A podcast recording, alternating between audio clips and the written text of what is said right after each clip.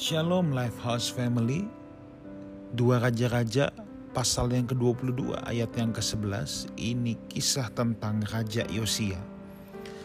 Demikian firman Tuhan Segera sesudah Raja mendengar perkataan kitab Taurat itu Dikoyakkannya lah pakaiannya.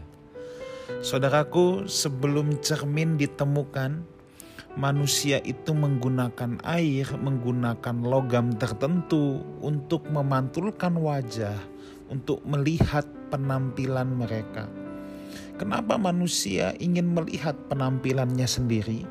Tujuannya itu sederhana, supaya dia bisa mengamati dirinya sendiri.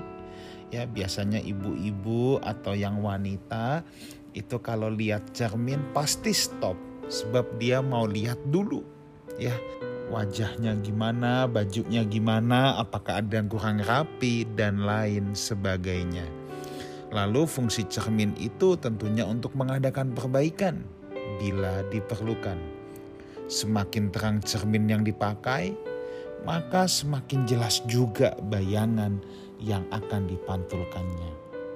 Saudaraku, firman Tuhan itu sebenarnya juga berfungsi seperti cermin atau sebagai cermin kalau kita lihat uh, dalam kehidupan Raja Yosia, saudara ya, dia hidup berbeda dengan jalan yang ditempuh oleh para pendahulunya, yaitu jalan kejahatan.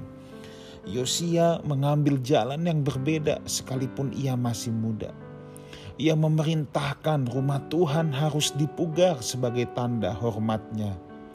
Lalu kitab Taurat pun ditemukan dan ketika isinya dibacakan kepada Yosia, ia benar-benar seperti berhadapan dengan cermin yang amat terang. Makanya di ayat yang tadi saya bacakan, segera sesudah raja mendengar perkataan kitab Taurat itu, dikoyakkannya lah pakaiannya Kenapa sampai dikoyakan? Sebab semua kesalahan, penyelewengan, kemurtatan umat Allah terlihat jelas. Yosia merendahkan diri di hadapan Tuhan. Ia mengoyakkan pakaiannya sebagai tanda perkabungan. Ia mengumpulkan umat Tuhan dan menyampaikan isi Taurat itu. Ia mengadakan reformasi total dalam kehidupan keagamaan mereka.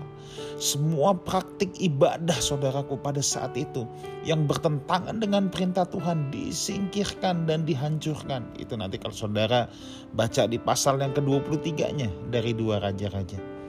Dan akhir hidupnya ia pun dicatat sebagai raja yang hidup benar di hadapan Tuhan. Saudaraku sekalipun Yosia seorang raja tentunya orang yang paling terhormat di zamannya. Tetapi ketika ia mendengar perkataan dari firman Tuhan dari kitab Taurat, ia merendahkan dirinya. Ia bisa melihat firman Tuhan sebagai cermin.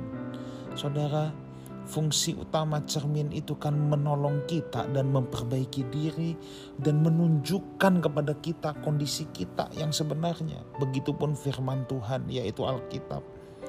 Saudara ketika kita membaca Alkitab apakah kita bisa melihat firman Tuhan sebagai cermin? Atau justru kita hanya menjadikan firman Tuhan sebagai cermin bagi orang lain. Kita menunjuk kesalahan orang lain, tetapi kita tidak berasa sadar dengan kesalahan kita sendiri. Saya berdoa saudaraku supaya firman Tuhan yang kita renungkan, kita dengar, kita baca setiap hari itu betul-betul menjadi cermin dalam hidup kita. Sehingga apa? Sehingga kita boleh terus berdandan di hadapan Tuhan. Sebab kita ini mempelai-mempelainya Kristus yang satu hari kelak kita harus ada di pesta pernikahan anak domba. Kristus mempelainya Itulah sebabnya jadikan firman Tuhan sebagai cermin hidup kita. Selalu saya katakan gini, kalau kita masih bisa melihat mentari terbit di ufuk timur, berarti Tuhan masih memberikan kepada kita kesempatan untuk memperbaiki diri lagi. Selamat bercermin, jadilah mempelai Tuhan yang indah di hadapannya. Miliki kerendahan hati, seperti Raja Yosia, sekalipun dia seorang raja yang terhormat, ketika ia mendengar firman Tuhan, ia tetap bisa menjadikan firman Tuhan sebagai cermin yang terang untuk melihat keberadaan umatnya. Tuhan Yesus menyertai kita semua. Haleluya.